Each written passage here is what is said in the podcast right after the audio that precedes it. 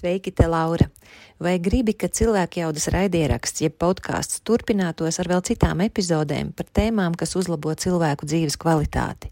Ja jā, tad lūdzu palīdzi mums atrast cilvēku jaudas auditorijai piemērotus reklāmdevējus, kuri saprota, cik vērtīga būtu viņu sadarbība ar cilvēku jaudu. Mums tā būtu iespēja sekt regulāras izmaksas, kas saistītas ar jaunu epizožu veidošanu un nodrošināšanu cilvēkiem, lai visiem bez maksas ir pieejama noderīga informācija, kas uzlabo dzīves kvalitāti un palīdz ieraudzīt jaunas iespējas un risinājumus. Ja gadījumā tu esi no reklāmas aģentūras vai tam līdzīga uzņēmuma, tad varbūt tu vari mums palīdzēt ar ieteikumiem un idejām, kā mēs varam sastapt īstos uzņēmumus, kuri būtu priecīgi par sadarbību ar cilvēku jaudu. Mēs meklējam risinājumu, kurā visi iesaistītie ir ieguvēji. Kad apkārtējie jūtas labāk, tad dzīvojam veselīgākā un atbildīgākā sabiedrībā, un jo kvalitatīvāka tad ir cilvēku dzīve. Ja tev ir praktiski risinājumi par to, ko tikko izstāstīju, mēs priecāsimies par tavu ziņu uz info at cilvēkjauda.lv ar informāciju, kā vari mums palīdzēt turpināt šo darbu par to, ko tikko lūdzu sapņot un cerēt dažreiz var atļauties, un tas noteikti ir forši. Tāpat kā izbaudīt slinkumu ir forši. Un mūsdienā atkal ir tik ļoti sačakarēta ar to savu perfekcionismu, par to, ka visam ir jābūt sakārtotam. Ir 5000 aplikācijas, lai padarītu tavu darba dienu labāku, lai tu vairāk sasniegtu, lai tu būtu, lai tu savas astoņu darbu stundu vietā strādātu 15 minūtes un būtu tos pašus rezultātus. Bet vajag slinkot. Vajag slinkot, vajag, vajag sapņot, vajag cerēt, vajag izbaudīt visas emocijas, visu spektru. Un, uh, un, tad, un tad lielāko daļu darīt to, kas ir jādara. Vienkārši, ja ienāk prātā, ka kaut kas ir jādara, tad nevis ir kaut ko jāpiefiksē, bet jāpiecerās un jādara tagad un tūlīt. Un sapņus un cerības ir jānomaina pret uh, darbiem un aktivitātēm. Es uzskatu, ka jāsāk ar mazumiņu, jāsāk sevi ieklausīties Tad, kad, tad, kad izdzirdi to savu balsi iekšējo, tad jāsāk tai sekot. Uh, sekot tai vajag pamazām, un, un tad jau tā aizvedīs tur, kur uh, vajadzēs. Bet, ja tajā neieklausīsies, tad tā arī pazudīs un priekšā vairāk, vairāk neko neteiks. Šodien pie mums uz sarunu ir Kaspars Ozoliņš. Kaspars ir fitnesa treneris un arī viens no raidījuma vadītājiem jauniešu raidījumam Gudrs vēl gudrāks, kur jaunieši sacenšas par šo te titulu. Un uh, Kasparam ir ļoti daudz vērtīgu triku un paņēmienu, kā viņš spēja būt tik produktīvs un ar skaidru galvu un nu, sirdi īstajā vietā, es teiktu. Tāpēc, Kasparam, es uzdošu jautājumus par situācijām, kas var mums pārējiem noderēt. Protams, ka mēs parunāsim arī vienkārši par dzīvi. Kaspar, liels paldies, ka esi šodien ar mums te kopā. Prieks, prieks būt šeit. Ja, Kaspar, starp citu, kas ir tava izglītība? Um, ekonomikas vadības fakultāte, uzņēmējdarbības bakalaurs, ehm, tad sporta pedagoģijas eh, akadēmijas bakalaurs un filozofijas fakultātē esmu nomācījies vienu gadu. Un tu vēl pie visa, ko es piebildu, esi arī uh, pasniedzējis universitātē mēdzu darboties kā pieaicinātais docētājs Rīgas Tradiņu universitātē un uh, dalos ar zināšanām topošajiem fitnesa speciālistiem. Skaidrs, paldies. Nu, tad ķersimies klāt. Kas par šajā laikā cilvēkiem ļoti daudz vajag pārslēgties no darba mājās uz pēkšņu darbu birojā, kas ir tikai viena zvana attālumā vai vienas, piemēram, Zoom sarunas attālumā. Un vajag pārslēgties no tā, ka tu esi tikko nolicis bērnus pie vietas, ja pateicis, ko tu par viņiem tur domā un kā viņiem ir labi jāuzvedās, un pēkšņi ir jābūt foršajam tam klientam vai tam sadarbības partnerim vai kolēģim. Un tu teici, ka trenējot trenerus, kas strādā ar cilvēkiem, tu viņiem māci pārslēgties no kas, kas bija tās par mācībām, dažādie treniņi, no kā uz ko ir jāpārslēdzās. Jā, mums fitnes treneriem nākas uh, sadzīvot ar daž, dažādām tām emocijām, jo ne tikai fiziskais atšķiras, ir um, kardio treniņš, spēka treniņš, intensīvs treniņš, mierīgs treniņš, atslābinošs, uh, veselību nostiprinošs, bet uh, arī emocionāli labam trenerim vajadzētu nodot līdzīgi to emociju. Nu, nevar tā, ka burtiski tu tikko esi nodargājis vienu, tu esi visu uzvilcies un adrenalīns visapkārt zālē, un tad uh, tu ieslēdz lēno, lēno mūziku un labi, ja novelc botas un basām kājām, tagad uzreiz pārvērties. Un tas bieži vien nav iespējams, un, un cilvēkiem tas ir diezgan grūti darāms. Jo Bet, bet ir- visas tās lietas, Tas ir vajadzīgs, lai vadītu uzreiz, teiksim, jogas nodarbību, vai ne? jā, tas ir, tas ir vajadzīgs, lai varētu uzreiz kā spēka treniņu novadīt. Tu esi viens Kaspars. Un uh, uz otru treniņu jau visdrīzāk nāks cita publika, un uh, viņi meklē kaut ko pilnīgi citu, nevis to adrenalīnu un ārprātu. Viņi atkal grib kaut ko citu, un mēs bieži vien sastopamies savā profesijā ar to, ka uh, mums arī tieši tāpat sanāk uh, pārslēgties. Bet visas tās lietas, ko es citiem mācu, to es pats esmu kaut kur mācījies, un bieži vien pat ne tai sakarā, bet vienkārši pārtransformēju tās zināšanas un tās, tos, tos um, knifus. Un šo es laikam pie Ināras Slutskas eh, Latvijas televīzijā apguvu redzējumu vadīšanas sakarā. Bet eh, tieši tāpatās arī treniņā ir eh, jābūt tām iekšējām sajūtām. Un, ja tev būs atstrādāts tās iekšējās sajūtas, tad tev būs tie, ko es saucu par emocionāliem slēdzeniem. Tu zini, kāds ir tavs, tu zini, kāda ir tava iekšējā sajūta, ka tu esi priecīgs, ka tu esi skumjš, ka tu esi spēcīgs, ka tu esi uzvelkošs, ka tu esi mm, tas treneris, kurš ar svilpu skraida un, eh, un, un motivē. Un eh, tu labi zini, kāda ir tava iekšējā sajūta tajā brīdī, kad uh, tu esi jauks, mierīgs, nomierinošs. Un tad, ja tu sevī labi apzinājies tās uh, sajūtas un emocijas, kas tevī mm, valda, kad tu esi kādā stāvoklī, tad tu esi tās nofiksējis un kaut kur sev atmiņai nolicis. Es nezinu, sirdī vai pakausī, bet, uh, bet tu esi specifiski atstrādājis sev to sajūtu. Tev ir mm, sajūtu atmiņa.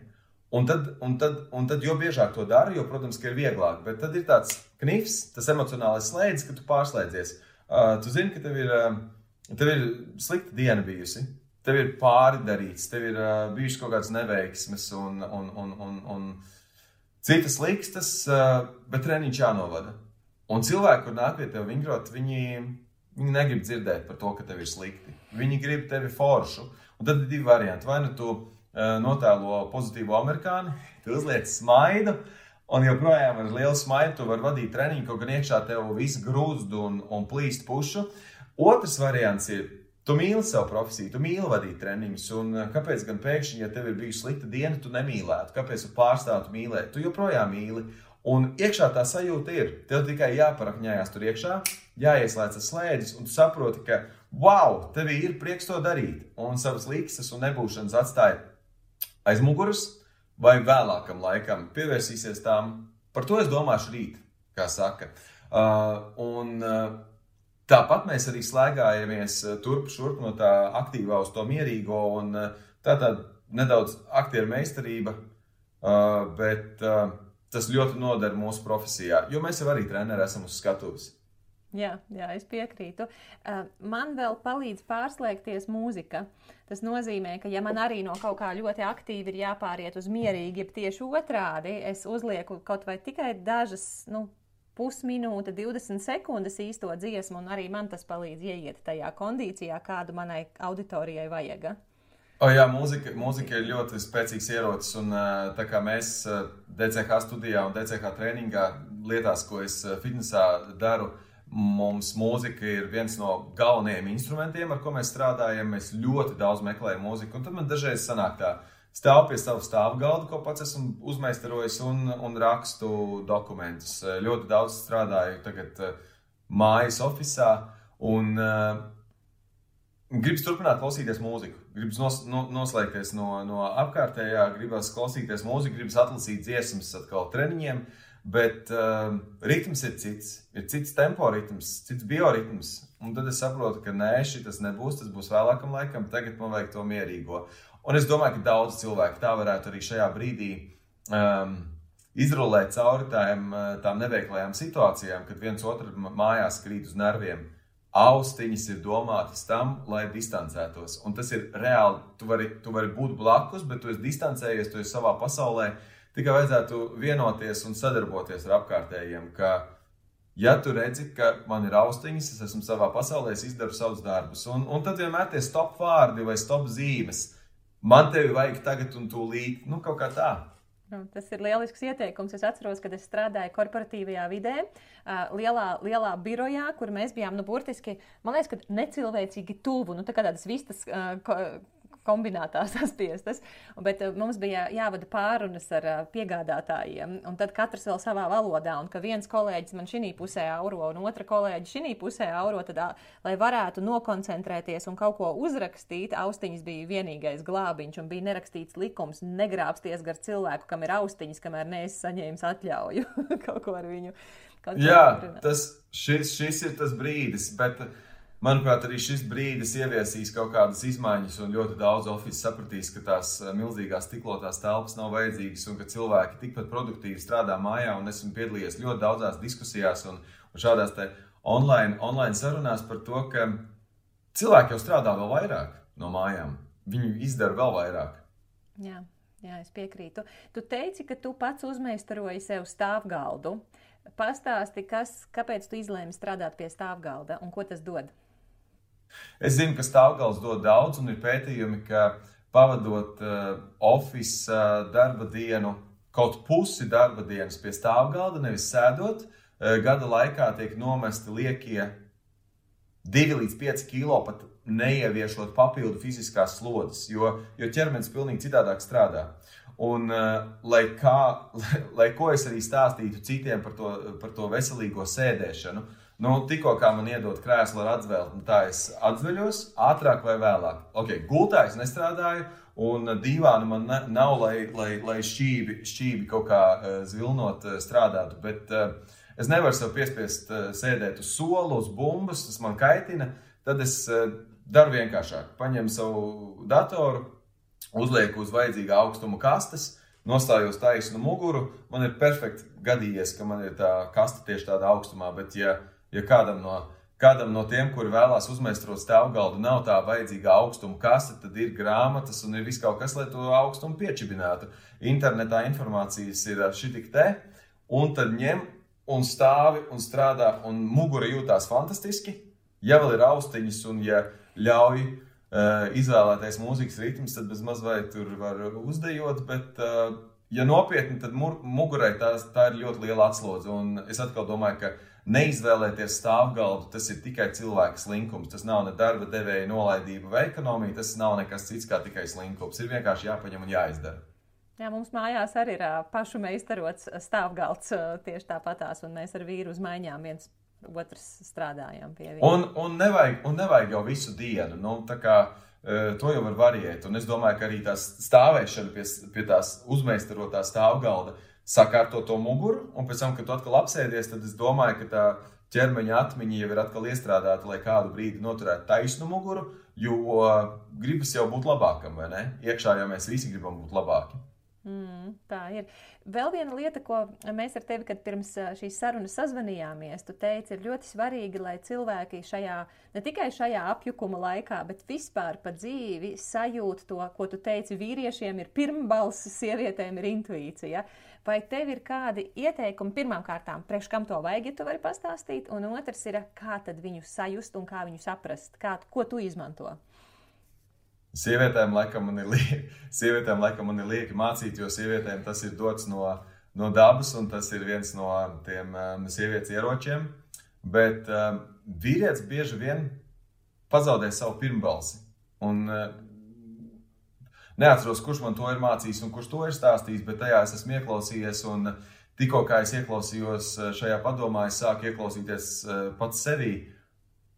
Tas ir treniņš. Tas ir vienkārši, to ir vienkārši jāsāk darīt. Jo, ja, ja, ja galvā tās balsis ir, un uh, pirmkārt jau tās ir balsis galvā, tā ir nedrošība, iepriekšējā pieredze, kaut kādas teorijas, kaut kur sagrābstītas, saklausītas, varbūt arī skolā samācītas vai, vai, vai augstskolā iegūtas. Bieži vien tās vairs neatbilst patiesībai, un uh, pašam iekšā tā sajūta ir. Uh, pat ne sajūta, tā nav bieži vien pat ne sajūta, nu, sajūta, sajūta arī. Doma, zināšanas, tās ir mūsu zināšanas vai, vai patiesās pieredzes veidī, veidoti kaut kādi viedokļi un secinājumi, ko mēs noliedzam. Un uh, nedodies, mēs sākam jautāt citiem pēc padoma, un tad mēs viņu vienkārši pazaudējam. Es, es uzskatu, ka jāsāk ir ar mazumiņu, jāsāk sevi ieklausīties. Tad, kad, tad, kad izdzird to savu balsi iekšējo, tad jāsāk tai sekot. Uh, sekot tai vajag pamazām, un, un tad jau tā aizvedīs tur, kur uh, vajadzēs. Bet, ja tajā neieklausīsies, tad tā arī pazudīs un priekšā vairāk, vairāk neko neteiks. Jums ar sievietēm tā ir, vai ne? Ka, ja, to, ja tajā intuīcijā neieklausās, tad viņi jūs pamet. Ar sievietēm ir, nav tā, ka visas vienādā veidā, vienādā līmenī izmanto intuīciju. Ir sievietes, kurām ir laba saikne ar intuīciju, un ir sievietes, kurām ir iznīdēta vai stipri sabojāta viņu saikne ar intuīciju. Un man ļoti patika, kā tu teici, uh, ka, ja cilvēkam ir pārāk daudz tās citas balsis, gan tās, kas pašam savā galvā, arī kuras tur ir ienākušas no ārpuses, visticamākais, un vēl ir tās balsis, kas ir īstas balsis riņķī, tad beigās tu vairs nezini, ko tad īsti darīt, un nejūti to saikni ar to savu, kā tu viņu nosauci, pir, pir, pirmbalsi. Ja? tad, um, ja tu vari aprakstīt par tevi pašu, kas sākumā, tad, kad tu to sāki nu, at, uztrenēt, uh, Kas bija tās tipiskās balsis, kuras tev traucēja saklausīt savu pirmbalsi? Sākumā jau ļoti gribas uh, turpināt, kā ierasts jautāt citiem pēc viņu. Tas nav padoms, vērtējuma, pēc viņu domām. Un tas ir tāds uh, niķis, ko es domāju, ka cilvēki mm, no kā ir ļoti grūti tikt vaļā, prasīt visiem, ko viņi par to domā ir jāpārstāj par to domāt, ko citi domā. Varbūt arī pandēmijas laiks ir ļoti labs laiks, kad eh, esi lielākā nošķirtībā no citiem un no iespējas uh, saņemt citu uh, vērtīgos padomus un domas un, un viedokļus, jo nevienmēr tas citu viedoklis būs tas pozitīvais un labsirdīgais.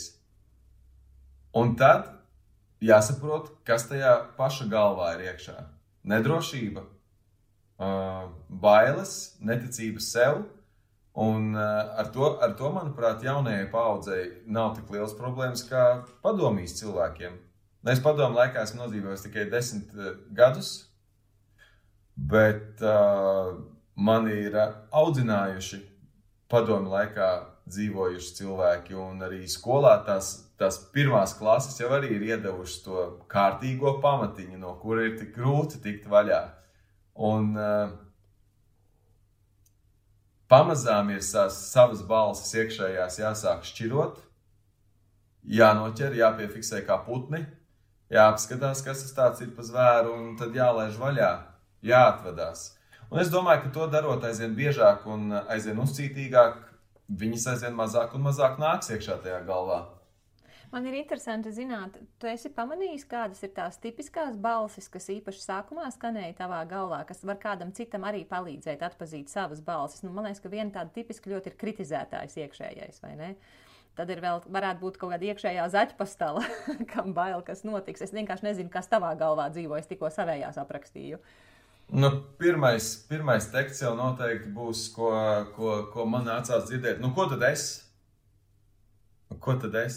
Ka tev arī cilvēkam, kurš vada TV raidījumus, kurš ir uh, fitnesa studijas īpašnieks, kurš lieliski izskatās, tev arī no tām... galvā skan, ko tad es? No, nē, no tām balsīm jau es tiku vaļā pirms, uh, pirms uh, studijas un pirms uh, raidījuma vadīšanas. un kā, kas bija tā motivācija, kas bija tie notikumi, dēļ kuriem tev izdevās tikt no viņām vaļā? Laikam nespēja eh, izveidot savu studiju. Tu mēģināji jau, un tev vienkārši nesanāca. Tur jau tā lieta, ka pat nemēģināju. Tie bija iekšējie tās uh, sapņi un cerības. Un sapņus un cerības ir jānomaina pret uh, darbiem un aktivitātēm. sapņot, un, sapņot un cerēt dažreiz var atļauties, un tas noteikti ir forši. Tāpat kā izbaudīt slinkumu ir forši. Uh, Un mūsdiena atkal ir tik ļoti sačakarēta ar to savu perfekcionismu. Visi rāda, par to mēs arī pēc tam parunāsim par to perfekcionismu fizisko. Bet jā, tas perfekcionisms vaiprātīgais par to, ka visam ir jābūt sakārtotam. Ir 5000 aplikācijas, lai padarītu tavu darba dienu labāku, lai tu vairāk sasniegtu, lai tu būtu. Um, lai, lai tu savas astoņu darbu stundu vietā strādātu 15 minūtes un gūtu tos pašus rezultātus. Um, Bet vajag slinkot. Vajag slinkot, vajag, vajag sapņot, vajag cerēt, vajag izbaudīt visas emocijas, visu spektru. Un, uh, un, tad, un tad lielāko daļu darīt to, kas ir jādara. Vienkārši, ja ienāk prātā, ka kaut kas ir jādara, tad nevis ir kaut kur jāpiefiksē, bet jāpieceļās un jādara tagad un tūlīt. Vai tu vari aprakstīt savu ceļu, kas bija attiecībā uz tavu ieradumu maiņu? Kā tu kļuvi par darītāju? Es jau biju arī pirms tam izveicīgs fitnesa treneris un strādāju vienā citā nākamajā klubā, mācījos, darījos un, un vienmēr sapņoju par to, ka kādreiz būs tas sporta klubs. Bet vienmēr kaut kas bremzēja, vienmēr kaut kas buksēja. Un buksēja arī kaut kādas tās lietas, no kurām es esmu ticis vaļā, eh, meistarīgi, un, un par kurām tagad pat ir grūti atcerēties, kā piemēram par dažām balsīm. Tagad to vietā noteikti ir citas, ar kurām es atkal eh, tikko tās izdzirdu. Tā tas man ir signāls, ka kaut kas atkal jāizdara, ka nepārtraukti ir jāmācās un jāstrādā ar sevi. Bet es pie Andas, Anda Gestas ķermeņa terapiju un pie viņa kolēģis aizgāju spoguļošanos, kas bija divi tādi kursi, kas man atvēra acis uz tik ļoti vienkāršām lietām, uz saprotamām lietām, kas man, man lika aizdomāties par to, kāpēc skolā to nemāca. Nu, kāpēc kas skolā ir? Jā... Kas tas ir? Kas tas ir? Uh, izdarīt. Es nezinu, tas ir laikam kaut kāda ezotērijas pamati. Laikam ezotērijas pamati, domāt labas domas, uh, redzēt, redzēt, sevi, redzēt sevi labo, uh, darīt lietas, nevis sakrāt neizdarītās lietas, un vai nu tās atmest un nedarīt nemaz, vai nu izdarīt uzreiz, bet nekrāt, ne, nekrāt neizdarītu lietu gūzmu. Mm, saprast priekš sevis, ko tu īstenībā gribi, ko tu gribi sasniegt, kas tu gribi būt, kāds tu gribi būt. Um, nevis kādu tu gribi, lai citi tevi redz, bet pirmkārt sākt ar sevi, nu, ieskatīties savā acīs. Un, uh, tas ir tik vienkārši lietas, un tas prasa tikai uh, vienu. Ieklausīties sevī, parunāt ar sevi, aizvērt acis, pameditēt, um, pabūt pašam ar sevi, lai saprastu, kas tev ir jākārto. Nu, cik, cik var kārtot darba lietas, mājas lietas, uh, bet, bet iekšā turēt kaut kādu drāņķi.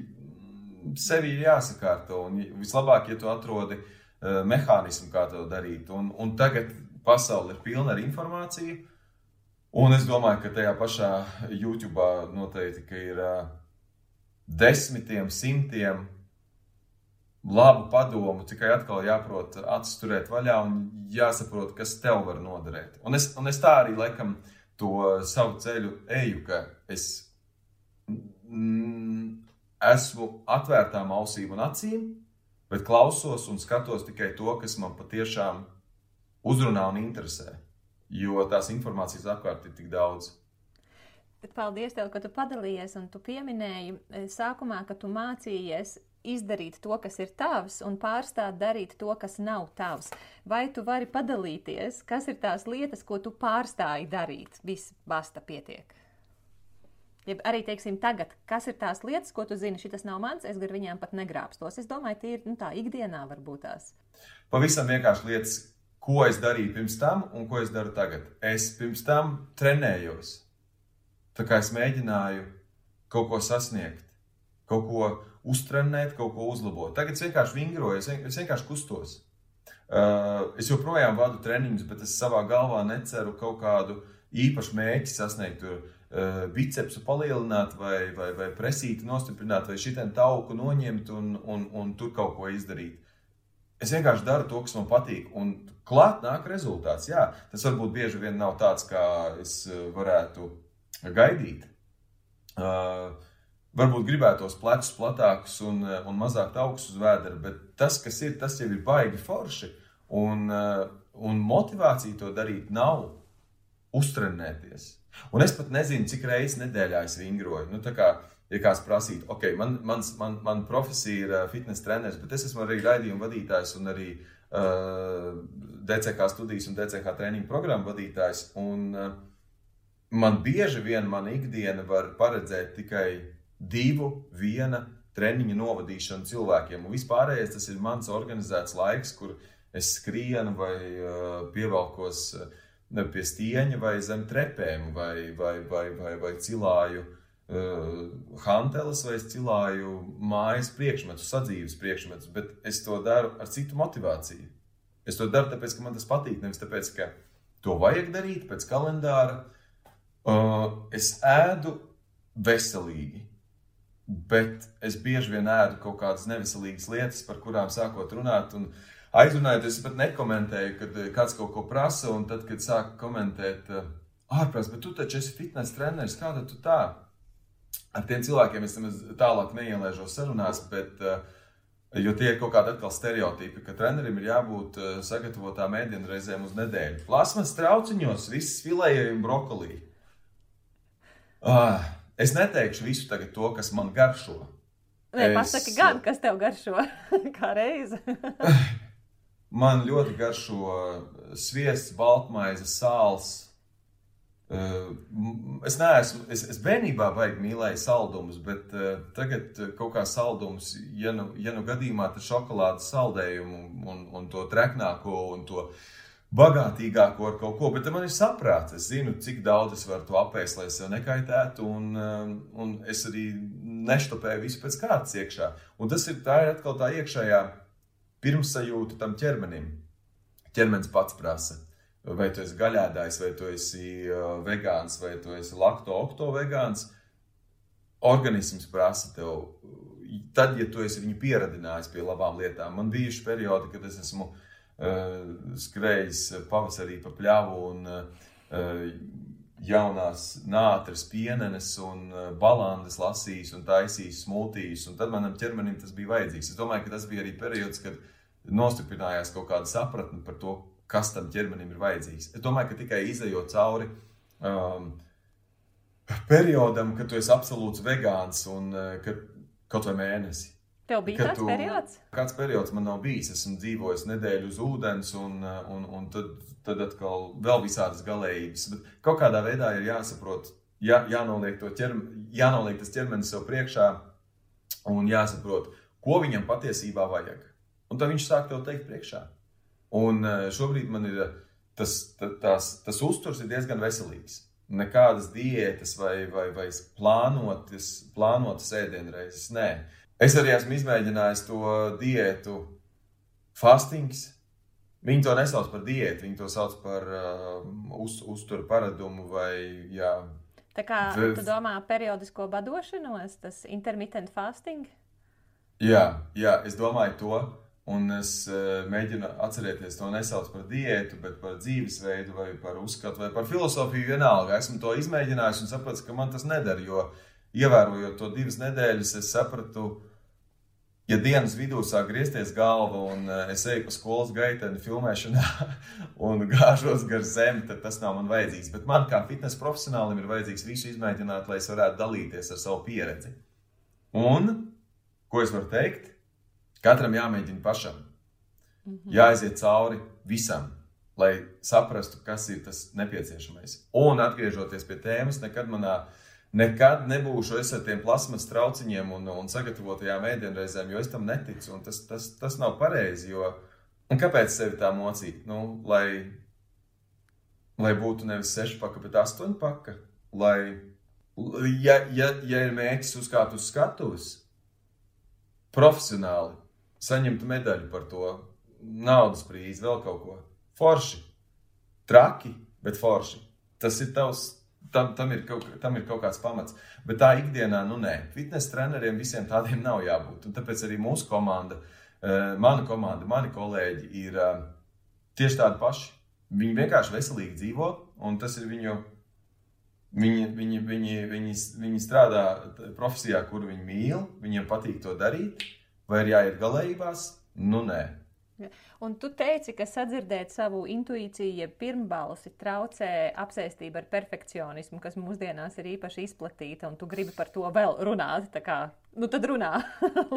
jā, tas ir, jā, tas ir traki. Es, es strādāju uh, industrijā, fitnes industrijā, kas ir pilna ar stereotipiem un pilna perfekcionismu un sabojātu visādu priekšstatu. Uh, veidotāja. Un, uh, es domāju, ka uh, katram otrajam, ja ne katram no šī ieraksta klausītājiem vai skatītājiem ir bijusi pieredze ar to. Man pašam ir to pieredze, jo uh, sociālajos tīklos, kuros mūsdienas mums, mums liek pavadīt kaut kādu laiku, ir atstrādāti tie algoritmi, un man kā fitnesa industrijas pārstāvjiem nepārtraukti lec ārā kaut kādas reklāmas vai, vai, vai, vai kaut vai meklētājā lec ārā nu, tie vājprātīgie fitnesisti.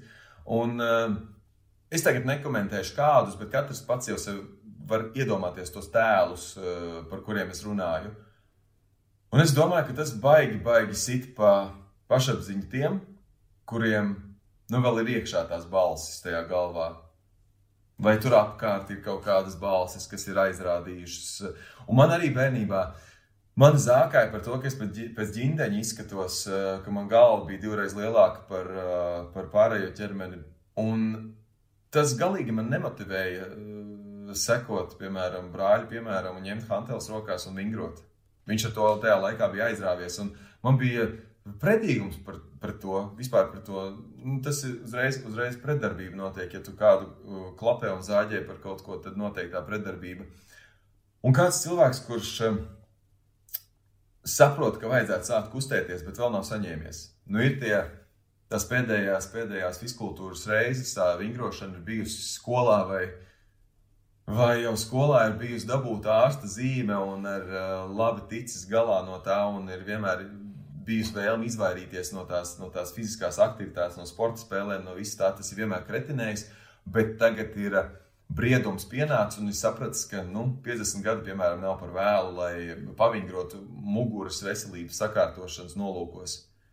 Un apkārt lec ārā tie visi tēli. Tas, tas, tas es domāju, ļoti ietekmē negatīvi. Tāpēc es iesaku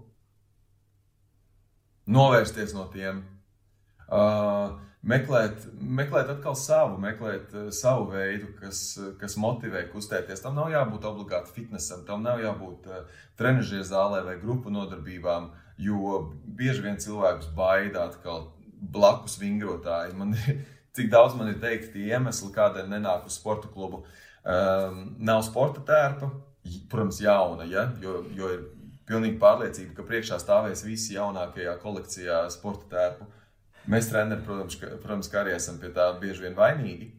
Mums biežāk vajadzētu parādīties eh, vingrojam mūsu iznēsētajos, izplēstos tēkaklos. Mēs to arī darīsim. Okay, es, es tad, tad pie, izaicinājums ir pieņemts un parādīšos arī iztaipītā tēkaklā. Un gaidu uh, bildi Instagramā, ja? es apsolu, es apsolu. Un uh, tad tas, tas foršākais, tas visforšākais, ko esmu dzirdējis, Es esmu pārāk resna, lai es nāktu uz sporta klubu. Es notievēšu, un tad es nākšu. Tas ir tik forši un tik mīlīgi. Un es noteikti esmu bijis līdzīgā situācijā, kaut kādā pilnīgi citā sakarā. Piemēram, iešu uz itāļu valodas kursiem, tad, kad apgūšu pamatus. Nu, pilnīgs besakars. Es varu uh, papildināt, sievietēm vēl ir. Es taču nevaru iet uz manikīru, man taču netīra naga ir. Man bija jāsakopja, lai es varu iet uz manikīru. Vai arī, nu kā es tā aicināšu mājās kādu, kas uzkopja māju, man taču tāds bardaks, tāda netīrība. Vai man jāpiekopja, lai kāds var atnākt uzkopt māju? Nu, man, man, man, man pavisam nesen es gāju pie zobārstas un uh, pie reizes arī taisīt higiēnu. Es domāju, varbūt pats bišķiņš tur pabakstīšu, jau kaut ko sagatavošu vidi, lai nav tik traki. Uh, Ko es gribēju teikt? Ne tikai, ne tikai fitnesa klubs ir tā vieta, kur pavingrot. Nu, ir taču iespēja spēlēt volejbolu, vai, vai, vai tautas bumbu, badmintonu, vai padējot, vai līniju dejas dejot, vai senioru deju kolektīvā iestāties. Un nevajag, nevajag uzreiz pirkt kaut kādus Men's Health un Fitness magazīnu. Var paskatīties kaut kādas veselības veicinošās žurnālos un, un sākt ar to, to līmeni, kas ir tuvāks tev emocionāli un fiziski šobrīd, no kā tu nebaidies, kas tev nekritinē. Vajag atbrīvoties no tā, kas tev kretinē un kaitina. Kretinē tas perfekcionisms. Nevajag, nevajag līmēt tos uh, džekus ar sešpakām sev uz leduskapja. Es bloķēju tos šausmīgi kaitinošos uh, fitnes frīkus, jo man Instagram vienkārši kaitina, ka viņi, ka viņi tur ir. Un es iesaku darīt tāpat. Tas vajag atrast, vajag, vajag mēģināt saprast, kas motivē un sekot tam. Aiziet acis ciet, atgulties gultā un 5 minūtes padomāt, kas mani motivē, kas man, kas man ir davedis vistuvāk tai situācijai, kad es jau spēru soli, lai sāktu vingrot un, un ķerties pie tā. Man šķiet, ka pirms tam tu mūsu sarunā minēji, ka labāk ir skatīties uz cilvēku, kurš arī nav lieliskā formā, bet viņš kustas, jo ja viņš var, tad es arī varu. O jā, o jā, un ir tik daudz labu piemēru. Nu, tagad arī um, mūsdienās tik daudz cilvēku ārā vingro. Un uh, pastaigājoties, tur ir vis, visādi tie um, tēli, jauni un veci. Un turēt acis vaļā un nevis, nevis novērst to, at, nevis, nevis novērst acis un paskatīties, ka mana vecuma, mana gada gājuma cilvēks arī vingro, vai arī manu formu cilvēks arī vingro, bet tieši skatīties un forši, jā, bet bieži vien taču cilvēkiem pavīd, uh, pavīd prātā tāds viedoklis, vai arī skaļi mēdzam mēs dažreiz dzirdēt, un ko tu tas tur tontons vingro. Ja? Bet, bet cilvēki nesaprot, ka viņš ir soli tuvāk mērķim nekā tu. Un es arī uzskatu, ka tas cilvēks ir vēl drosmīgāks nekā tas, kurš jau ir labā formā. Cik daudz vajag spēka, lai izturētu šo sabiedrības reizēm necilvēcīgo spiedienu? Ko tad tu? Es, es, es, es ļoti novērtēju, un uh, manas rokas ir augšā, un es uh, uzskatu viņus par tiem īstajiem influenceriem. Un es uzskatu, ka, ka tie cilvēki ir tie, kuri, kuri, kuri pavelk pārējos. Galvenais tiem pārējiem, kuri var pavilkties no tā, būt atvērtiem. Tev ir kolosāls stāsts par to, kā tu pats pavilkies uz augstumpeldēm. Vai tu vari pastāstīt šo stāstu? Pirms trim gadiem, meklējot kaut kādus risinājumus savām veselības likstām, es arī turēju acis un ausis vaļā, un es izmisīgi meklēju, nu, ar, ko es daru nepareizi un kā, kā tikt ar to galā, kāpēc es uh, regulāri slimoju. Un tad DCH studijas vasaras nometnē uh, mums bija tāds īso treneru sarunu šovs, kur katrs treneris pastāstīja par to, kas viņam ir uh, stāstāms. Un tad man kolēģi Marta Kešāna, tāda enerģijas bumba, viņa pastāstīja, ka viņi jau vairākus gadus peldas augstā ūdenī. Pirmais jautājums man bija, kā sākt, ko tagad darīt. Bet forši tā bija vasara. Uh, vasara gāja uz beigām. Viņas piemērs bija tāds neraksturīgs. Viņa bija izpeldējusies 31. decembra naktī. Es varu iedomāties, kā tas viss notika. Bet viņas tā pieredze bija pozitīva, un uh, viņi turpināja peldēt. Un tad, nokonsultējoties un rīktīgi izprašņājot viņu, es sapratu, ka man jāsāk arī Un, uh, jo es neredzēju nekādu, ne, ne, nekādu pamatojumu to nedarīt. Un tā nu es sāku. Un, jo lieliski, ka es to biju izdzirdējis vasarā, tad uzreiz rudenī arī varēju sākt. Ar lielām bažām es pirmo reizi ieraudzīju to pirmo leduskārtu, un tad es domāju, yes, beidzot varēs uh, nepeldēt. Bet tad es viegli to pārvarēju un, uh, un turpināju vēl. Un tas, līdzīgi kā mēs pirms tam runājām, arī man bez, bez tiem fiziskajiem ieguvumiem un veselības ieguvumiem ir veselība man sakārtojama pirmām kārtām. Tāpēc par to es esmu pateicīgs visvairāk.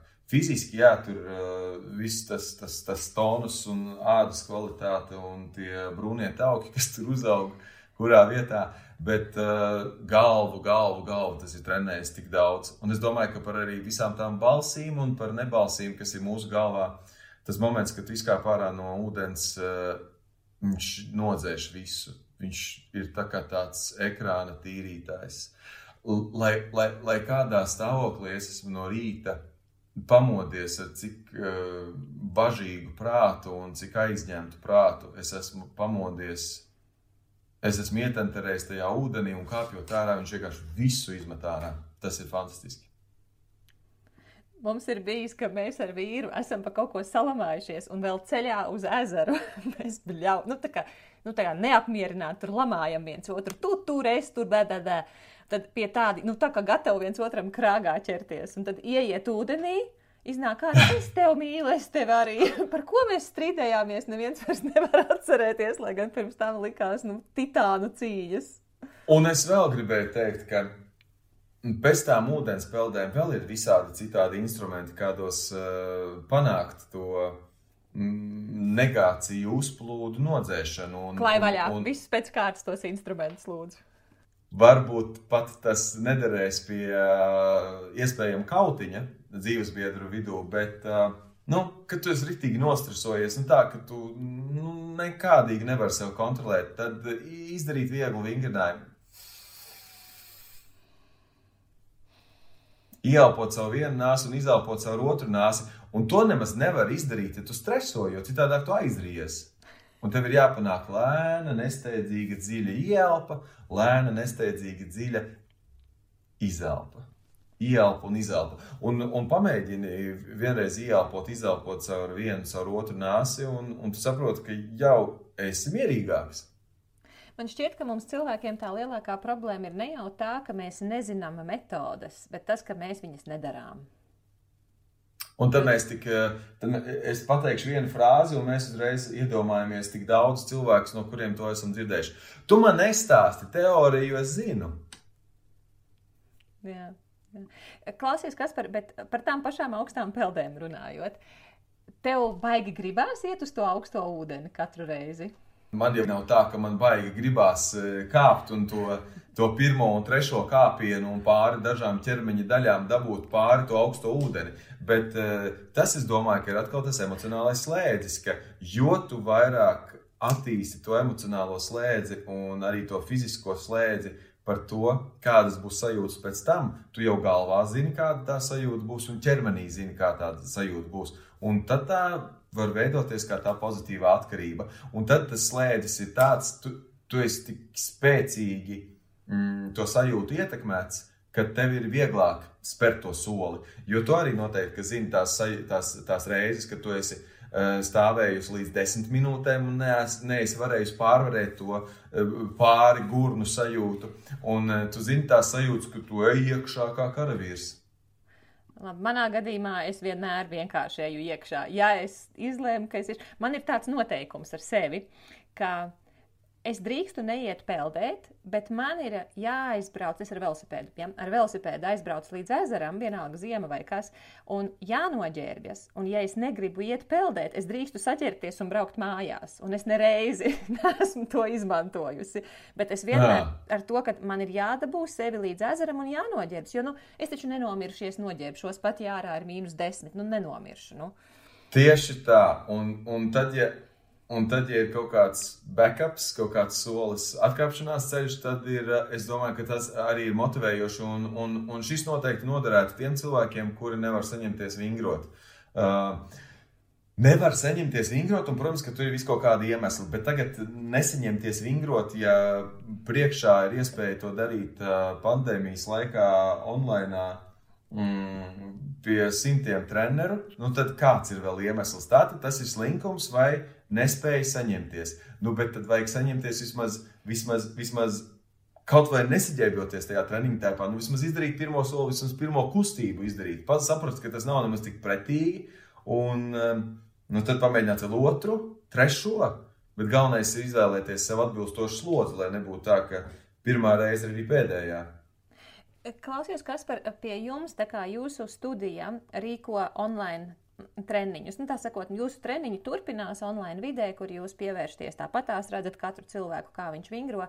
Vai tagad pie jums vingro tikai tie, kas jau bija pieraduši vingrot, jeb ir atnākuši, kas nebija līdz šim studijā vingrojuši?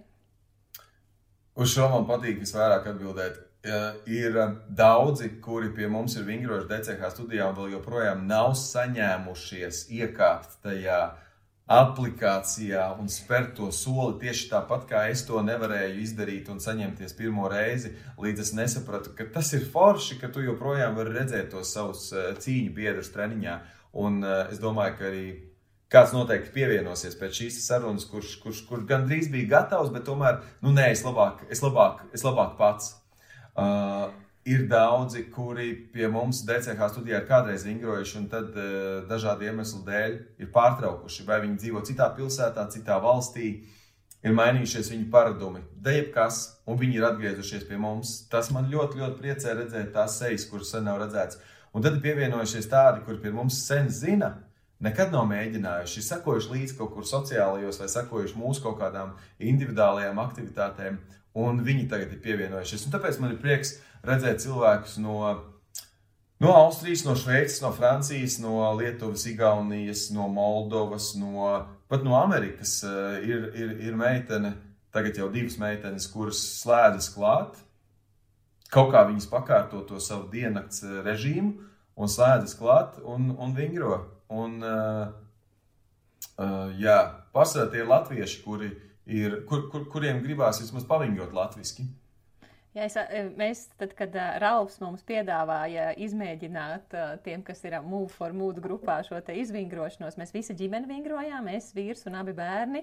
Un tā sajūta bija kolosāla, bija tik labs garastāvoklis. Un arī tas, kad es redzu, citi vingro un citi cenšas, un tad, kad tas treneris tur saka, tur ir Elīna vai Anna vai Pēteri, tad tu zini, mani redz, nu ir, nu ir baigi forši sajūta. Arī, protams, kad pašu vēl pasaka, vai tur labi vai kaut kas jāpielabo, vienkārši kolosālākā sajūta. Treniņa laikā e, man ir iespēja redzēt vai nu sevi pa visu ekrānu. Tādā veidā es nodrošinu to, ka es esmu pilnībā iekšā ekrānā, ka nav galva vai kājas nogrieztas un e, sekot līdzi tam, cik kvalitatīvi aiziet tā bilde. Bet es bieži vien nosačkoju šo un izvēlos tomēr redzēt to visu tautas grupu, lai, lai sajustu tās emocijas. Jo, protams, ka es bieži vien eju pie ekrāna līdz noberstiem, līdz cietiem ceļiem jau. Uh, jo sēžu uz grīdas un čekoju katru un laboju to tehniku un motivēju. Bet arī tajā laikā, kad es tikai demonstrēju tehniku, man, man tā sajūta ievelk. Tas, tas, ka es redzu tos daudzos cilvēkus. Uh, vingrojam kopā, un tās emocijas ir fantastiskas.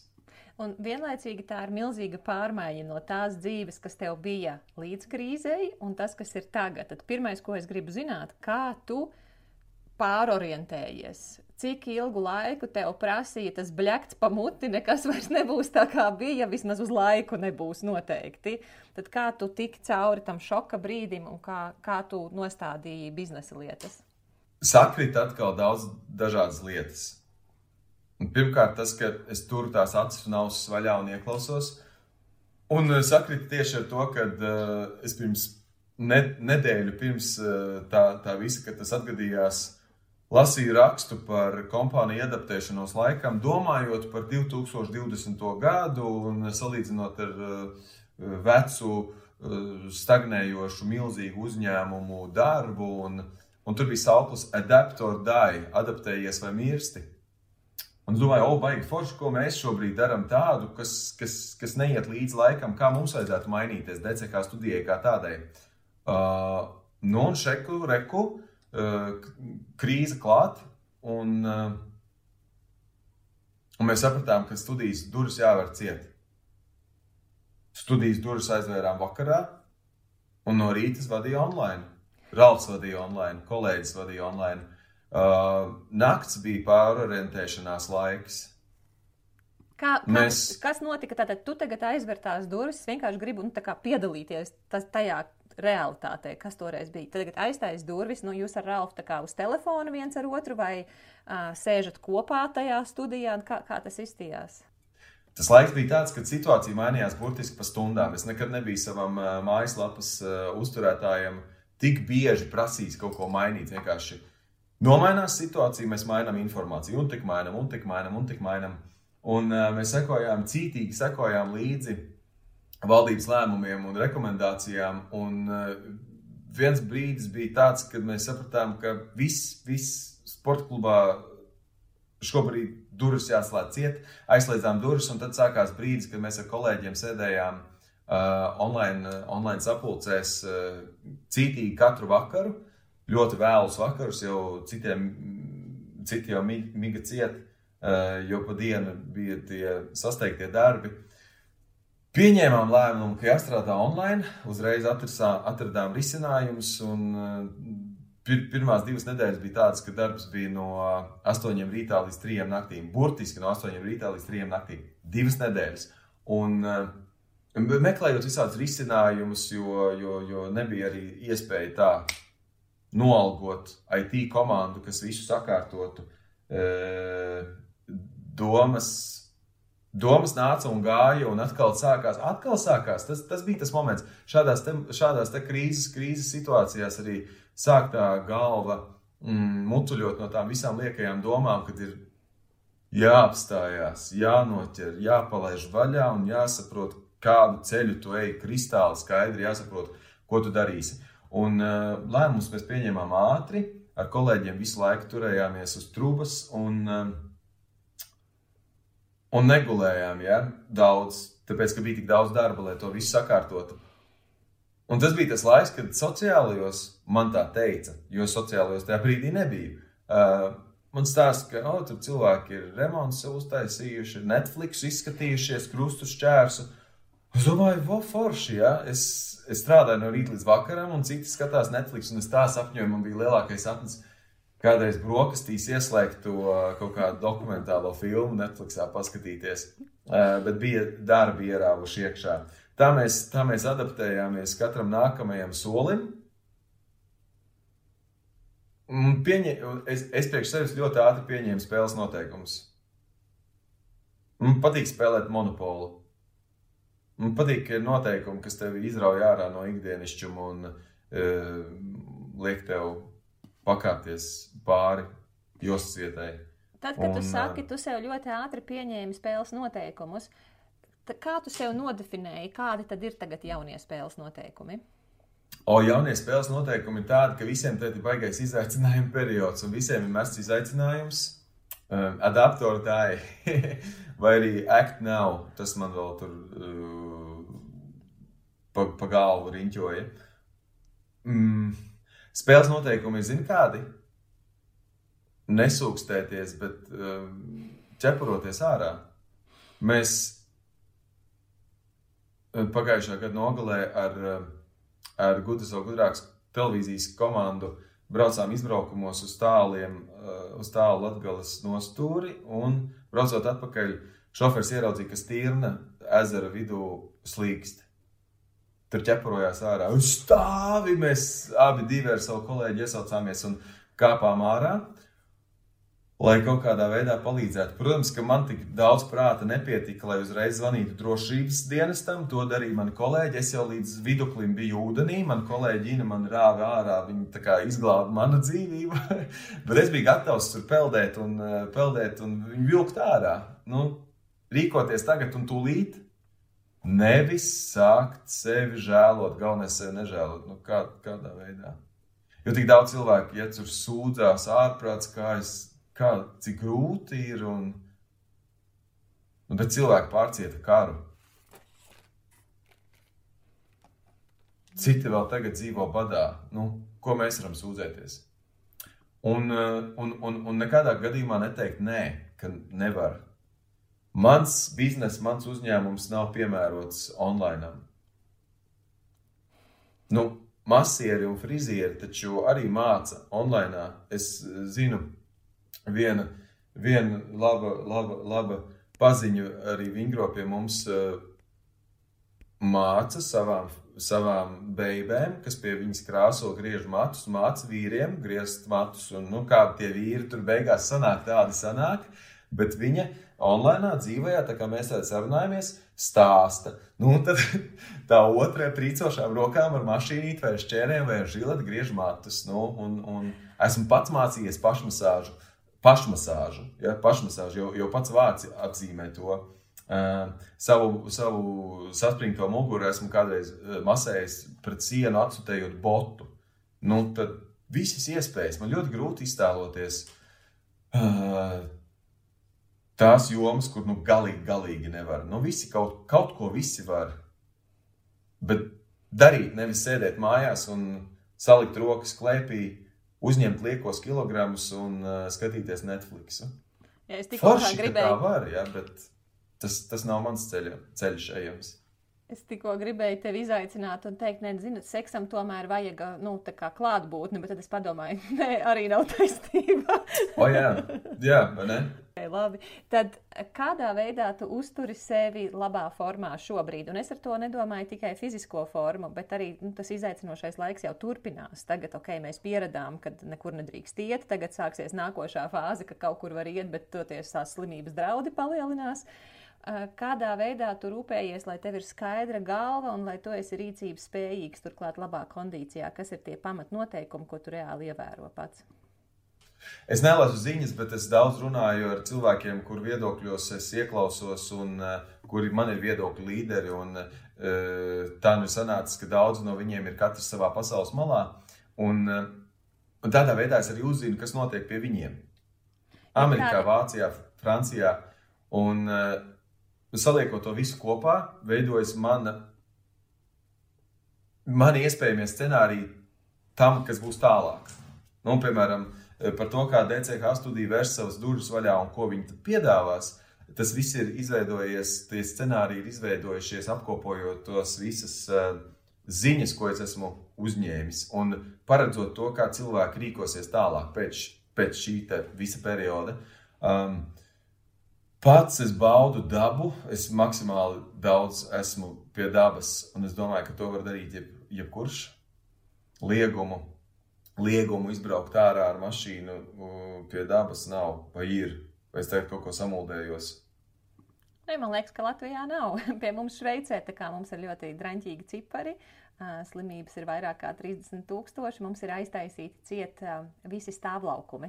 Un tu nevari mm. Šveicē kaut kur nolikt mašīnu. Tu viņu vari tikai atļautā stāvlaukumā nolikt. Un rezultātā tu it kā varētu braukt, bet tev nebūs kur nolikt mašīnu.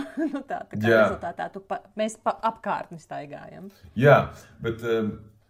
Latvijā ir jāievēro distancēšanās, bet, uh, ja, ja, ja apkārt no daudz cilvēku, tad tu, tu tiec pie dabas. Tu tiec, un, un, un tas mani baro. Uh, man ir daudz arī mediķi pazīstami, tad eh, mana sāk, sākotnējā man, mani uzstādījumi bija, kā viņi teica, kas ir galvenās lietas jāie, jāievēro. Distancēšanās, roku mazgāšana, pamatslimības ārstēšana, nesmēķēšana. Nu, un tā kā es esmu astmātiķis, tad es uh, pieskatīju, lai, pieskatīju, lai man ir tas baloniņš, kurš ir vajadzību gadījumā jālieto un jāsako savai, jāsako savai veselībai. To es arī ieteicu visiem pārējiem. Um, man sanāk, tagad daudz diezgan laika pavadīt uh, ārā arī dārza darbos, kaut kādos rupjos, sākot no komposkaudas uh, pārakšanas, beidzot ar, beidzot ar ravēšanu vai malku skaldīšanu.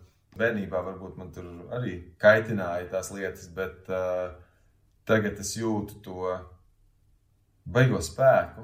Nu, tieši tāpat kā jūrā, es uh, ieeju jūrā un uh, atveru rokas vaļā un sajūtu to pamatīgo spēku. Tas ir vājprātīgs spēks, un man ļoti patīk vējš, un lietus, un saule, un zeme kā tāda, un basām kājām um, sajust, sajust to zemi. Un tā dod baigi daudz spēka, tad, kad tu esi tāds mazs knislis, kas ir pakļauts visādām šādām sērgas ietekmēm un sociālajiem un uh, online un visam pārējiem, vai kaut kādu pilnīgāko pretstatu. Jo, ja tu esi šitā, šitādā galējībā, tad tev vajag atkal otru galējību, lai tu nesajūgtu prātā. Un tad es dažreiz piespiežos sevi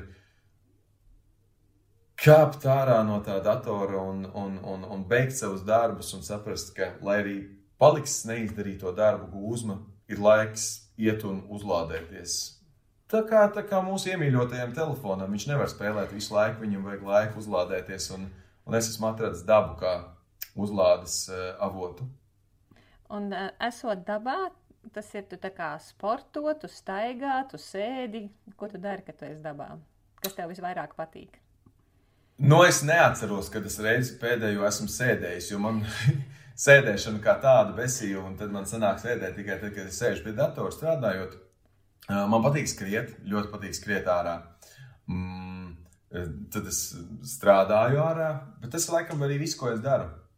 Nu, ar suņiem pastaigājos, bet pārsvarā tā ir skriešana un, skriešana un, un, un darba darīšana. Man ļoti patīk kompostu kaudzes uh, ierīkot un uzturēt. Kaut kā, kaut kā tas process, tad, kad tu redzi, ka no lapām un augu paliekām Uh, un koka izveidojās zeme, kas ir jauns dzīvības avots. Tas ir iemesls uh, veselai medit meditācijas teksta izveidošanai. Man tūlīt būs teorija. man gan vīram, gan vīra tēvam ļoti patīk rakāties pa kompostu kaudu un gan uzstādīt, gan aizvākt viņas. Kaut kas tiem vīriešiem, kas dara dārza darbus, ir ar tām kompostu kaudzēm. Otrs ir ugunskurs. Man vienmēr ir paticis um, pārvaldāms, pārvaldāms uguns. Ja? Man tas ir uguns, uguns ir arī posms, bet uh, uh, ugunskurs, un tas ir visnepateicīgākais darbs, jo nekad nevar novērtēt to darba apjomu, kas ir izdarīts, jo ir vienkārši viss sakārtots un viss ir nodedzināts.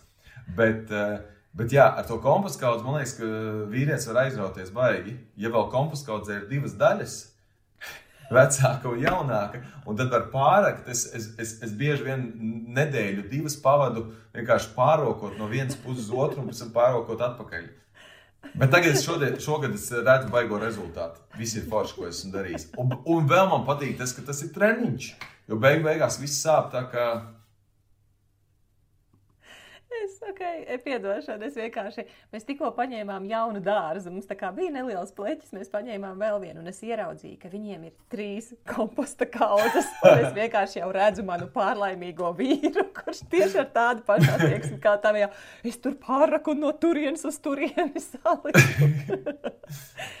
Jā, un, un vēl tas baigi ievelk, jo tas ir fizisks izaicinājums. Un, nu, bieži vien man nāk prātā tas, cik uh, tomēr neiedzīgi ir tērēt to savu spēku, cilājot svarus, mētājot svaru bumbas un, un, un, un darot tos vingrinājumus, jo tā enerģija aiziet uh, beztolkā. Es viņu vienkārši sadedzinu. Ok, labi, labi, labi man tur ir uh, stingrāks ribu rajonā, bet, uh, bet es viņu iztērēju vienkārši. Bet atkal darot fiziski darbu, skaldot malku, pārkārtojot kompostu kaudzi un palīdzot um, meža darbos, uh, tas spēks reāli tiek izmantots kaut, kā, kaut, kā, kaut kāda jēga tam ir, un tad tu jūties piepildīts.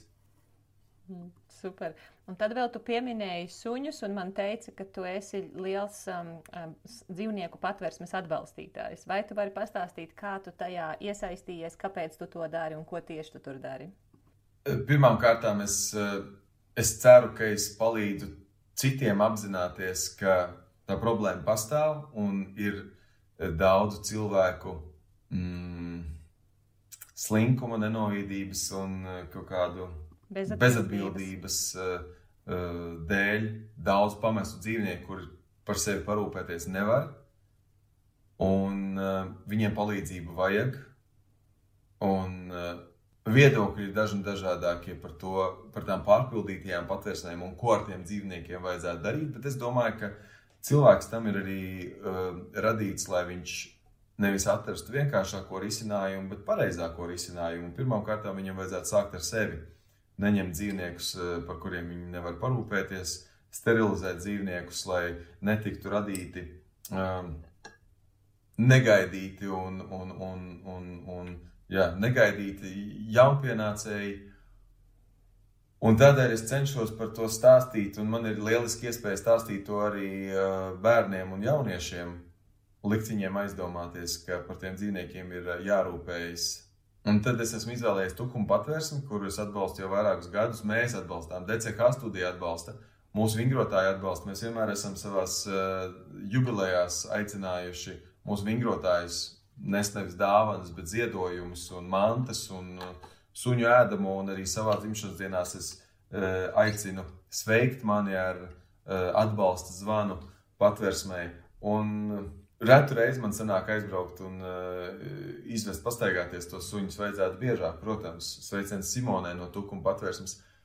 Un esmu arī iemesls, kādēļ tukuma patvērsme, tādēļ, ka tā nav tuvākā patvērsme, kas, kas man ir par rokai, kā daudziem rīdziniekiem, bet uh, kāda no patvērsmēm ārpus Rīgas, uh, kurai vajag palīdzību tieši tāpat. Tad Nākošā lieta, tu esi raidījumā viens no vadītājiem, gudrs un vēl gudrāks. Un, ja es pareizi saprotu, tas ir raidījums 5. līdz 12. klases skolēniem, kuri rāda, cik viņi ir gudri vai ne. Tas ir visās Latvijas skolās, kas ir uh, katrā klašu grupā, kurš tad ir raidījumā visgudrākais. Uh, Un man teica, ka viens no taviem darbiem esot, ka tu mierini tos bērnus, kuri netiek uz priekšu šajā sacensībā, kuri no sākotnējās izvēles nevirzās uz pusfinālu un nevirzās arī tālāk uz finālu. Kāpēc tu to dari? Um, tu jautā, kāpēc es vadu, kāpēc esmu raidījuma vadītājs, vai tu jautā, kāpēc es viņus mierinu? Vispirms, kā tu nokļuvi šajā vietā, un otrs ir, kā, tas, kā nonāca līdz tam, ka tas ir tavs darbs viņus mierināt. Nonācis pavisam tādā smieklīgā kārtā. Es uz raidījumu dzīvību eh, jau vairākas reizes gāju kā viesis, fitnesa eksperts, jo fitnesā jau strādāju sen. Un uh, režisora Vineta Lemana man vairāk kārt teica, kas par tevi ir tāds talants, kas ir noteikti kaut kā vēl jāizmanto. Un, vai tu neesi domājis kaut ko citu vēl darīt bez savas trenēšanas?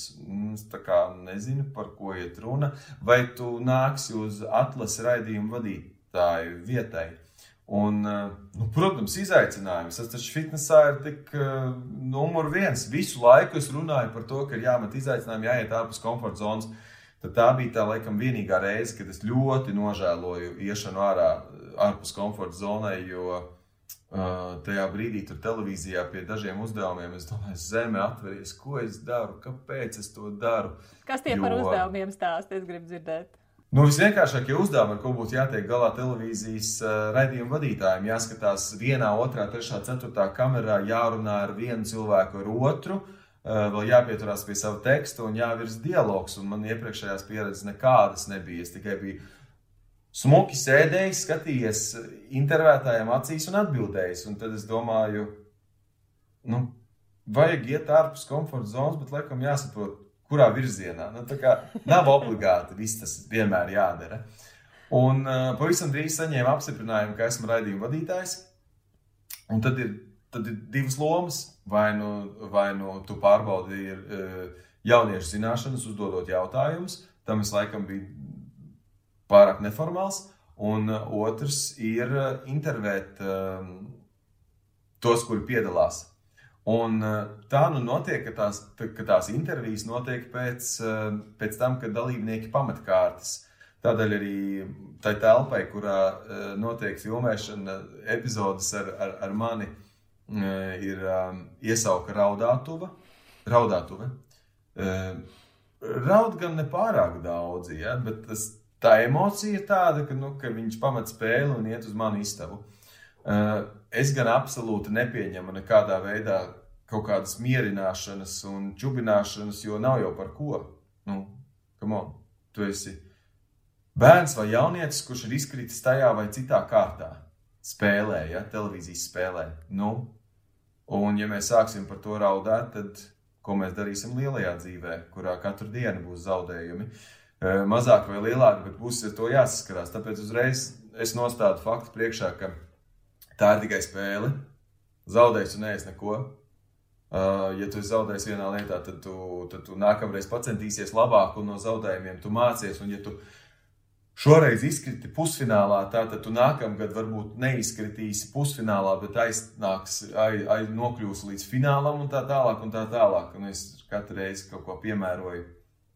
Nu, ja galīgi raud, godīgi, Tad es neeju tajā istabā. Tad es pasaku, nu, pasauciet mani, kad, kad beigs raudāt, jo, jo, jo, jo es atkal tad nāku. Un uh, moments, kas vislabāk savāc jaunieti um, domu izkristalizēšanai un, un tā, to negāciju uh, paz, pazudināšanai, ir uh, parunāt par lietām, kas viņu saista, kas viņu patiešām interesē. Un tā kā ar, buri nūjiņu arī pazūd tā visa uh, bēdāšanās, jo viņš var pastāstīt, kas viņu tiešām mm, saista. Un tad, tad laikam arī jaunieci un bērni saprot, ka bāc, bet es patiesībā tik daudz ko daru, un es esmu tik foršs, un man tik daudz kas sanāk. Nu, ok, nu tad, tad pamēģināšu nākamgad to spēli par tevi saka, ka tad, kad tu ienāc klasē, tad, kad jūs dodaties filmēt, tad um, tev esot kaut kāds nezināms čujs vai radari. Kā tu uzreiz uh, noskanējot klasi, saproti, kuram bērnam te kaut kas nav riktīgi. Un tad tu kā, man teici, ka tu viņu savācot un ar viņu pavadi kaut kādu laiku. Kāpēc tu to dari? Un kā tu saproti, kuram kaut kas nav riktīgi? Tas talants, ko pieminēja režisore, kas man piemīt, un kas visdrīzāk ir tas, tā atbilde tavam jautājumam ir spēja klausīties. Viņa gan to noraksturoja citādāk, ka sarunājoties ar cilvēku, kas nenovērš skatienu, kur lielākā daļa cilvēku novērš skatienu. Nu, es klausos, jā, ja man kaut ko stāsta, tad es klausos. Es varbūt ma ar mazāk cilvēkiem runāju ikdienā, jo es izvēlos runāt ar tiem, ar kuriem man interesē runāt. Un es uh, aprunājos, un, uh, aprunājos par to, kā iet ar tiem, kuriem es gribu uzdot to jautājumu, kuru atbildi es gribu dzirdēt. Es cenšos uh, nebūt samākslots un pieklājības pēc, netvērties pēc katras katras iespējas, un tāpēc varbūt bieži mani sauc par iedomīgu vai uz sevi vērstu, bet patiesībā tajā brīdī nu, nav tas īstais brīdis, lai es varētu uzklausīt to cilvēku un saņemt to viņa atbildi un būt ieinteresēts. Jo es domāju, ka ir jābūt patiesiem. Es nemāku to how are you? How do you do?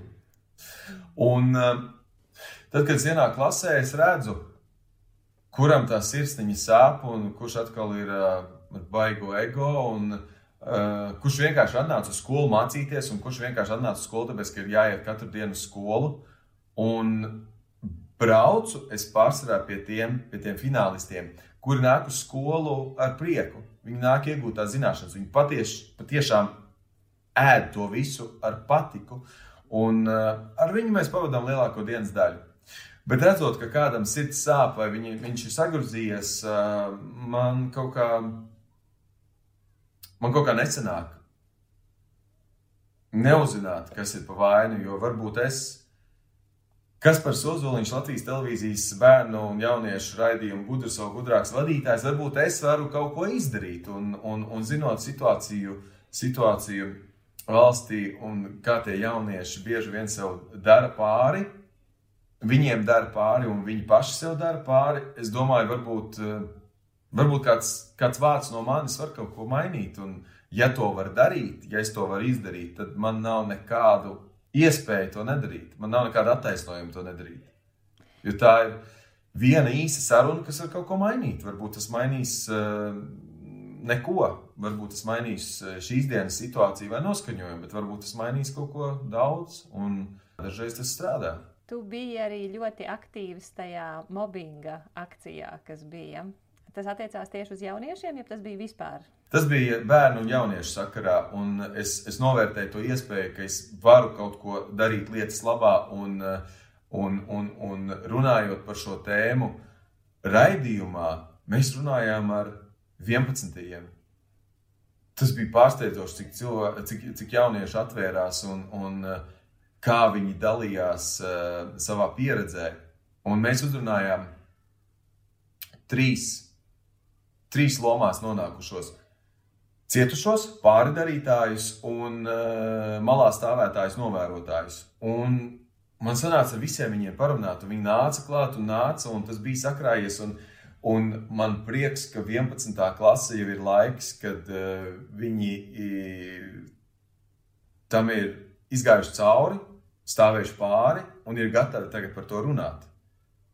Uh, tas, tas, tas, tas, tas bija apsveicami no viņu puses, es ceru, ka viņu stāsti atkal iedvesmoja uh, citus un lika citiem aizdomāties, uh, vai var stāvēt malā un skatīties, kā kāds tiek apzākāts, uh, vai, vai vajag to darīt. Un es esmu pilnīgi pārliecināts, ka tas dzīvē nāks viss atpakaļ. Bet uh, tie pārdarījumi, vai vienmēr uzaudzēt to biezo ādu, es nedomāju tā.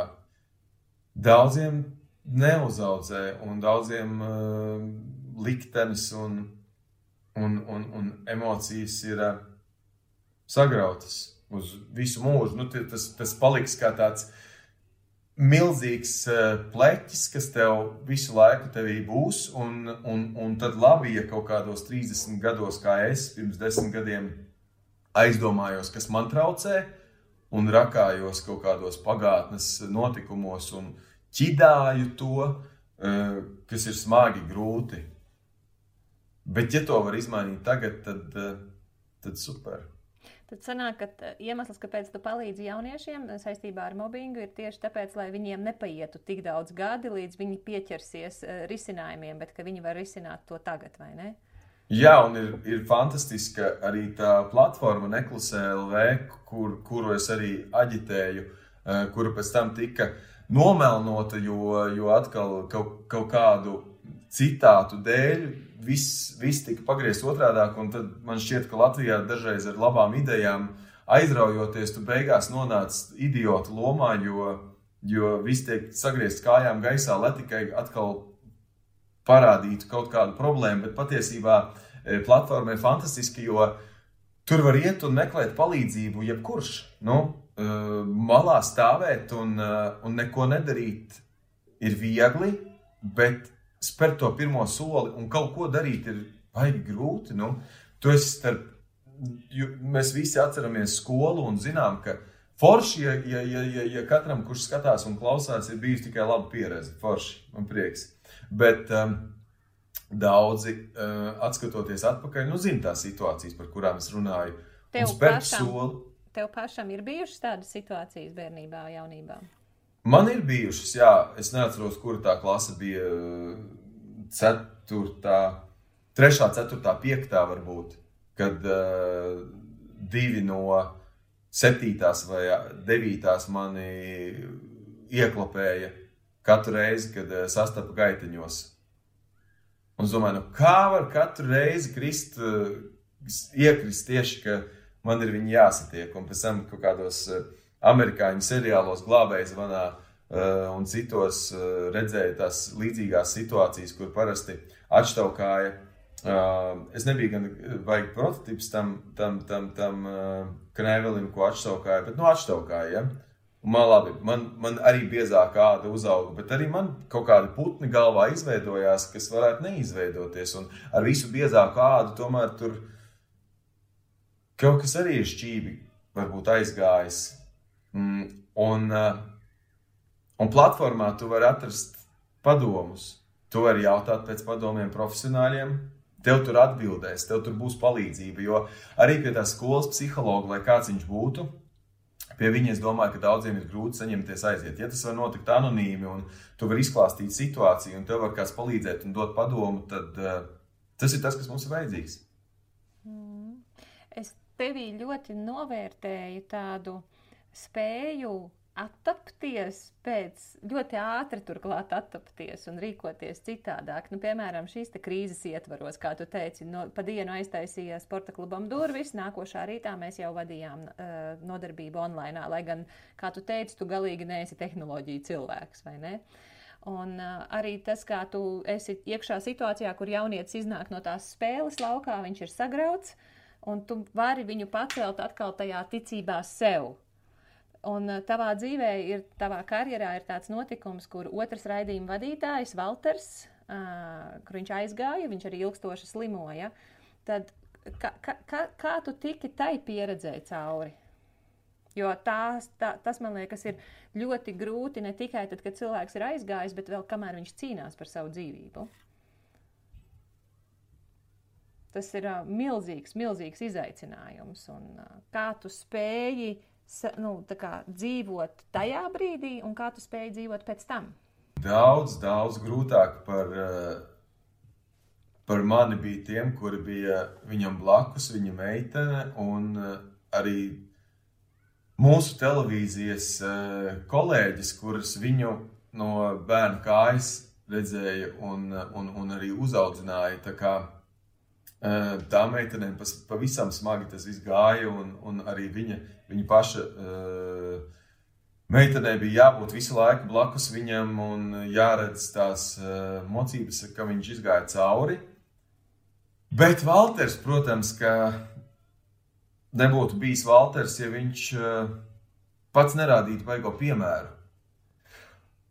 Lai cik, lai cik grūti būtu, tu vari turpināt darīt to, kas tev patīk, un to viņš arī darīja.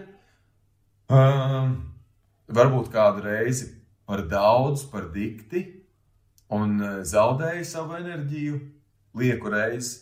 Bet, uh, bet viņš nebūtu, viņš to nebūtu darījis. Un es domāju, ka tas pāris reizes, kad viņš varētu pataupīt savus spēkus, tas, tas, tas nebūtu viņu izglābušas no, no nelaimes.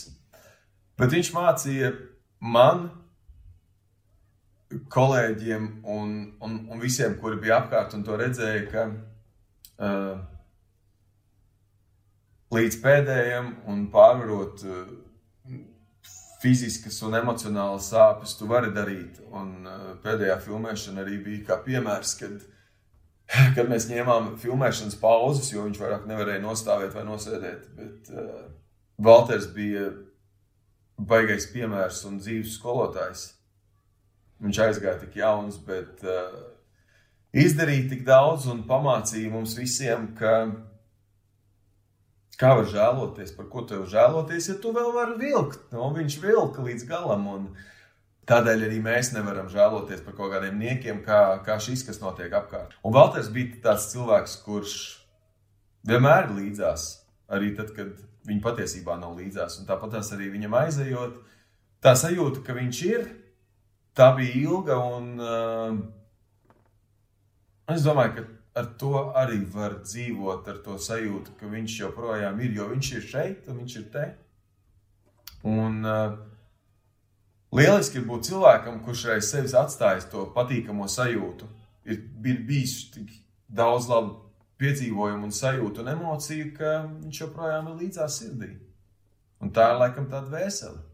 Es atceros, ka pirms neilga brīža tu teici, ka desmit gadus atpakaļ tev bija 30, tad, protams, ka es sarēķināju, ka tev tagad ir 40. Tā ir saucamais, nu jau pusmūža krīze varētu būt tepatās. Un pazaudēt kādu, kurš uh, pat bija vēl jaunāks, nu, tas bieži vien kā, nu, pāsina to krīzi, jeb kā, nu, ietekmē viņu, teiksim tā. Uh, Tev ir bijis kaut kas uz tās krīzes robežas, kaut kādas domas, jo arī septiņus gadus tu šo raidījumu vadi, treneris tu esi cik gadus. Nav bijis tā, ka nu, gribas kaut ko darīt citu, ja tev tu esi īstajā vietā un viss beigas forši.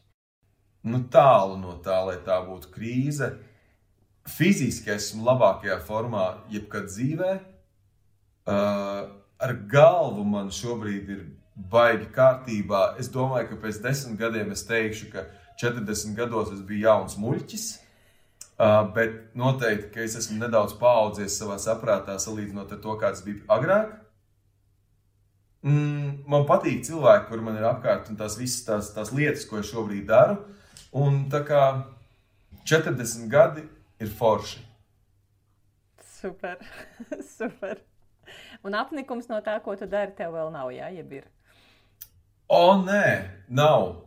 Um, Man izaicinājumi Latvijas televīzijā strādājot ir katru ierakstu, jo kā tie kolēģi mani pacieš, es nezinu, bet man šķiet, ka es katru reizi esmu atkal pie sasistas silas un no nulles punkta sāku visu darīt, un es nepārstāju domāt, kā es varu kaut kādas muļķīgas kļūdas pie, pieļaut. Tā kā televīzijā man ir nepārtraukts izaicinājums.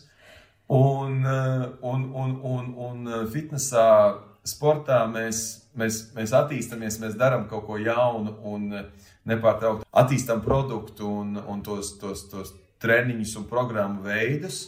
Um, arī šis te periods mums uh, nāks par labu tādā veidā, ka mēs vērsimies jaunā, jaunā veidolā vaļā un no mums varēs gaidīt kaut ko jaunu. Tagad vēl tas online, kas atkal iegāž pilnīgi citā citā formātā, un atkal ir izaicinājums, un es atkal esmu pilnībā nomainījis to formātu, kā es pats strādāju. Jā, un ar tām tad mēs vēl veidojam grupu treniņu programmas, ko, ko piedāvājam arī citiem sporta klubiem, un ne tikai Latvijā, un arī tur viss, viss iet uz priekšu. Un man tas ir izdevies, eh, man ir izdevies darīt to vēl joprojām ar patiku, jo es piefiksēju pie sevis Jo es piefiksēju to, to, kas man visvairāk kaitina mūsu industrijā, jo tā ir, kā es pirms tam minēju, tik eh, stereotipiem un, un, un visādiem pārspīlējumiem bagāta. Es piefiksēju to, sadzīvoju ar to, priekš sevis to atlaidu, un es dzīvoju savu ceļu, un, un, un, un nemaz nemēģinu iet citā virzienā. Tas ir tā kā tu zini, kas ir tavs. Ja? Jā, es nevaru iedomāties sevi darām kaut ko citu, un visdrīzāk, ka es būtu vēl liederīgs, nezinu, pie fiziskiem darbiem. Bet nu, noteikti, noteikti ne, ne, ne, neko citu kā strādāt laukos, fermā, mežā es nevarētu. Kaspar, liels tev paldies par šo sarunu. Man ir pēdējais jautājums. Vai tev noslēgumā ir kas piebilstams mūsu klausītājiem, skatītājiem? Mēs esam laikā, kad uh, nevar izvairīties no tās ilgās, ilgās sēdēšanas. Un uh, sēdi tu vai uh, stāvi, bet tas maskustīgums, mēs, mēs nevaram no tā nekādīgi izbēgt. Un, Pats es esmu kā piemērs, jo, kad rakstīju pēdējo bakalaura darbu, tad es sapratu, ko nozīmē muguras sāpes. Jo aizrāvies ar to darbu, es saprotu, ka es sešas stundas esmu nosēdējis, eh, nosēdējis un, un, tad, un tad man pašam bija jāliek modinātājs telefonā, lai es atcerētos par izkustēšanās pauzēm.